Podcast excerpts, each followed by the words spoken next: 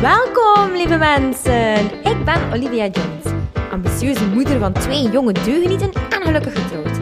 Tijdens deze podcast deel ik je dagdagelijkse perikelen van mezelf als ondernemende moeder. Benieuwd naar welke inzichten jou kunnen helpen je leven zo gemakkelijk mogelijk te maken? Je hoort het zo. Hoi iedereen, dit is mijn derde podcast. Ja, ik vind het eigenlijk wel leuk. Ik vind het echt wel leuk om te doen. Nu neem ik eentje op van thuis uit. Normaal doe je dat in de auto. Maar die kwaliteit is toch niet dat. Je hoort ook steeds de auto, dus dat is misschien wel vervelend voor jullie. Vandaar dat ik het toch eventjes gewoon thuis doe. Maar ik zat zo te denken aan al die gezinnetjes, ja, waar ik de laatste ja, drie jaar toch wel intensief bij um, gaan begeleiden ben. Dan zie je toch echt wel hoe ingrijpend een geboorte van een baby kan zijn. Eigenlijk moeten wij ons leven daar helemaal op aanpassen. Ja, want die baby, die weet eigenlijk van niets. Die, die huilt wanneer dat, dat ze ons nodig hebben. Die huilt wanneer dat hij honger heeft. Ja, het is toch wel interessant hoe dat, dat je leven zo verandert. Hè? Welke impact dat dat wel heeft. En dan denk ik zo terug aan, aan die jaren de jaren zo nu geweest. De eerste vijf jaren van mijn moederschap. Van ons ouderschap. En die waren zo intens, jong. Wauw. Niet normaal. En eigenlijk zie je dan ook dat je het jezelf ook zo moeilijk kan maken. Hè? Nog een keer veranderen van job, verhuizen, een huis kopen, lening nagaan. Oh, eigenlijk maak je het jezelf echt niet zo gemakkelijk. Wie heeft dat trouwens uitgevonden dat wij zo productief moeten zijn tussen de 30 en de 40 jaar? Of tussen de 25 en de 40 jaar. Dat is precies of je het dan allemaal moet gemaakt hebben zo. Ah ja, want tegen je 40ste wil je toch wel een goede job. Tegen je 40ste, ja, dan wil je toch wel een, een groot huis voor je kinderen. Wil je kinderen ook alles kunnen geven, af en toe een reisje doen, ja. Ja, alle twee een schone job. Ja, daarvoor hebben we dan ook elke auto nodig. Ja, noem maar op uiteindelijk. We maken het onszelf echt wel niet, niet, niet gemakkelijk. En als ik dan denk aan mijn gevoelige kindjes en hoe zij absoluut niet konden ja, omgaan met crashes, met eh, veel geluid, met andere prikkels, met veranderingen. Oh, dan denk ik, amai, amai. Ze hebben ons eigenlijk daar gewoon doorgesleurd. Door die intense, moeilijke periode. Die slapeloze nachten. Man, ik weet nog goed. Het was zo, ik denk, twee jaar geleden. En ik deed nog mijn job in het ziekenhuis. Of twee jaar en een half geleden dan. Ik deed mijn job in het ziekenhuis op medische beeldvorming en ik moest echt in no time, in twee maanden tijd, moest ik een CT leren. Ik moest uh, kleinbot leren, wat dat wel meeviel. Ik moest mammografie leren, uh, planning echografie en dan ook um, scopie. Dus dat is eigenlijk echt gewoon foto's nemen van rug, ruggenwervels, van uh, bovenbenen, zo'n dingen. En in die twee maanden, ik echt... Ik had er zoveel stress voor, man. Want ja, je wil natuurlijk dat dat allemaal goed loopt. Die patiënten zie je vijf minuten en die beelden moeten echt wel oké zijn om die diagnose te kunnen stellen. En dan uiteindelijk heb je niet geslapen, of zeer, zeer weinig. Ik denk dat wij zo vier uur per nacht sliepen. Onze kinderen die hadden veel nachtmerries. Die sliepen zo verschrikkelijk slecht, jong. We hadden nogal geluk gehad dat wij onze ouders hebben om, om op terug te vallen. Want ik weet echt niet hoe ik het uh, had gedaan zonder hen, hoor. Helemaal niet. Want daarnaast, naast die job, had ik dan eigenlijk ook nog mijn vroedkunde in opstart. Mijn praktijk. En uh, dat begon toen net zo te boomen, zo. Net het moment dat ik zei van, goh, misschien is er toch wel niet echt een markt voor hier in Knokkengeest. Ik ga gewoon iets bij doen. Gewoon uh, om mezelf die rust te geven en dat gewoon op zijn gemak te laten evolueren. Ja man, dat was echt ongelooflijk. Dat was een drukte van je welste. We hadden toen ook een, een, meisje die de kindjes ging afhalen van school en die ze bracht naar huis en die ze al wat fruit gaf. Uh, gewoon omdat wij er nooit op tijd konden zijn voor de kinderen. Uh, en als ik dan denk aan de periode daarvoor, voordat Louis geboren is, uh, dan was er enkel liefje, maar zij, zij sliep nog tien keer slechter. Um, dat was echt verschrikkelijk. En dan de borstvoedingsperiode ook met Louis. Dan was dat nog helser. Dat is echt om de twee uur voeden en dan nog een keer um, lief proberen in te tonen. Gerust te stellen uh, in haar nachtmerrie. Dat ze niet heel het huis wakker schreeuwde. Ach, ja. We hebben het niet gemakkelijk gehad. Maar ik denk dat er heel veel ouders uh, door zo'n uh, diep dal gaan in hun leven. En de tip dat ik eigenlijk kan geven, want uiteindelijk als koppel moet je het wel zien te redden. Als koppel moet je wel kunnen uh, communiceren, wat dat eigenlijk bijna niet meer gebeurt. Want ja, je ziet elkaar ook bijna niet. En als er iets gezegd wordt, dan gaat dat meestal om de kinderen.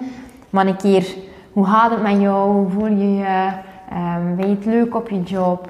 Um, valt het wat mee? Is er niet te veel druk uh, die op je schouders valt?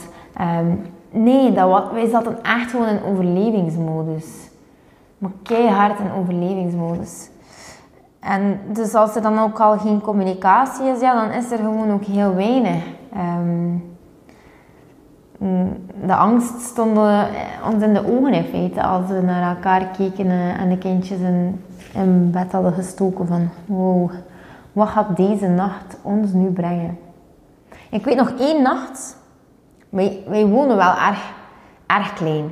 Wij woonden in een studiootje, omdat we ons huis aan het bouwen waren. En Lief sliep eigenlijk in de dressing. Louis sliep in onze kamer. En wij hadden ja, wij, wij wouden heel graag samen slapen, maar die kwam echt om het half uur wakker. En dus hadden wij onze matras in de living gelegd. Ja, echt. Je kunt je wel voorstellen hoe het is. Zo tussen de zetels. Um, man, man, man. Ja, daar hadden wij die matras gelegd. En ik, ik, weet, ik weet nog dat ik... Um, ja, ik moest er heel vroeg uit. Ik kon wel nog net de kinderen afzetten op school en in de crèche. En toen, uh, ja, dat was het. Toen ging ik werken en toen kwam ik eigenlijk maar om 7 uur thuis. En allee, als ik dan nog geen consulten had. En het was 1 uur 30 en wij hadden dus echt nog niet geslapen. Zo iedere keer 20 minuutjes en dan weer in slaap.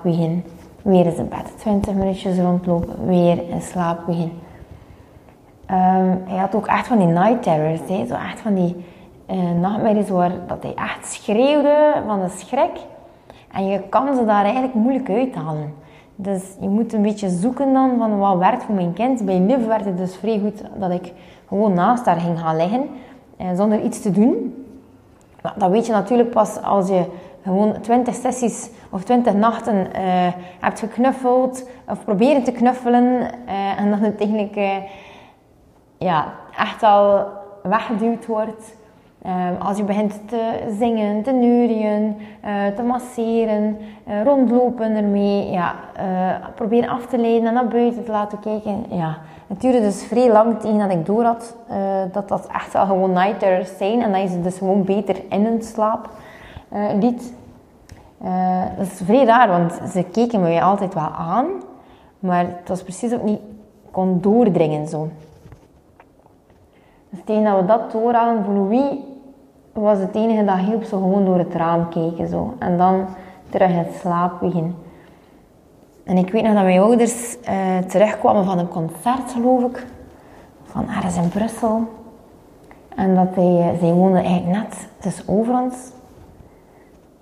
En wij, hebben Louis gewoon in een deken gedraaid. En wij hebben echt toen zij uit de auto kwamen um, en wij gewoon Louis gegeven, alsjeblieft. We moeten echt slapen, we gaan dit echt niet kunnen trekken. Zo tot morgen. Uh, ja, zijn eigenlijk echt wel scenario's. Ik kan eigenlijk zo duizend van die verhaaltjes vertellen. Misschien is het herkenbaar, hopelijk niet. maar de houden regel uh, die, die ons enorm geholpen heeft tot nu toe, is ja, elkaar gewoon niet kwalijk nemen. In de zin van als er dingen uh, gezegd worden uh, ja, in een situatie, in een dringende situatie, iets dat je vergeten bent, dat je vliegt uit je auto, dat je nog dingen komt halen, dat je kwaad bent omtrent. Uh, dat, ja, kon je dat een keer helpen herinneren? Eh, dat ik dat moest meenemen, verdorie, ik heb nu speciaal moeten terugrijden. Al die stomme dingen. Als er zo'n dingen gezegd worden, wanneer de kinderen gewoon wakker zijn, dat wil niet zeggen in dezelfde ruimte of het is gewoon, liefst niet in dezelfde ruimte, maar als dat gewoon gebeurt in een opwelling. En er zijn genoeg verwijten dat je elkaar kan maken, terechte en onterechte. Dan zou ik zeggen, ach, neem het elkaar gewoon niet kwalijk. Het is wat het is. Jullie zijn allebei moe. En als je moe bent, dan zeg je gewoon domme dingen. En dat is ook zo. Er is zo'n uh, een stukje in ons hersenen dat heet de amygdala. En die amygdala die zorgt in feite dat wij als moeder uh, enorm waakzaam zijn. Die zorgt dat wij als moeder instinctief kunnen reageren op hetgeen de baby doet. Um, dat is zo duidelijk geworden ook in het um, still face experiment. Ik weet niet of je het kent, maar je moet het zeker een keer opzoeken. Um, maar er is dus ook gezien dat als wij in een opwelling dingen zeggen, dat onze amygdala dus vrij actief is.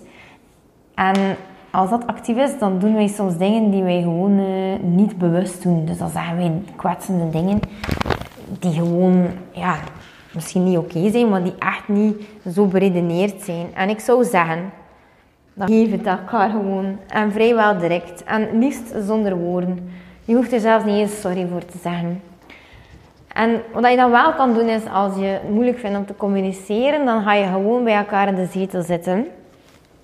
Of toch, als je gaat gaan slapen, neem elkaars handje vast.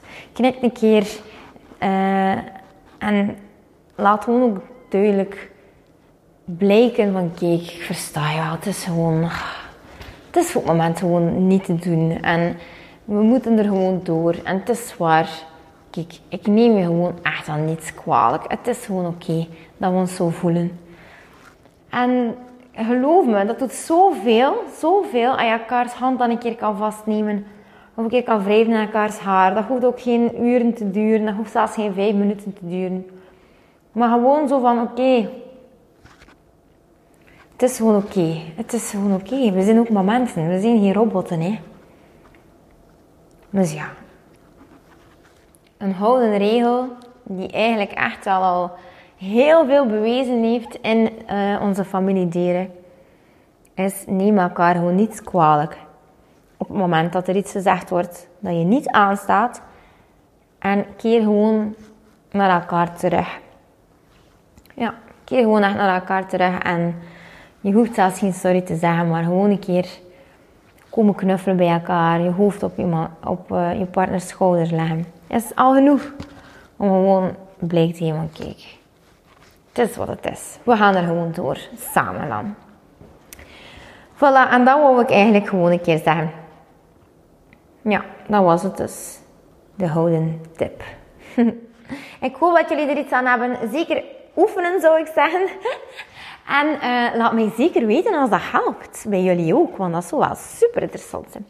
Dus, uh, dat hoop ik althans dat het voor jullie ook uh, zijn ding doet.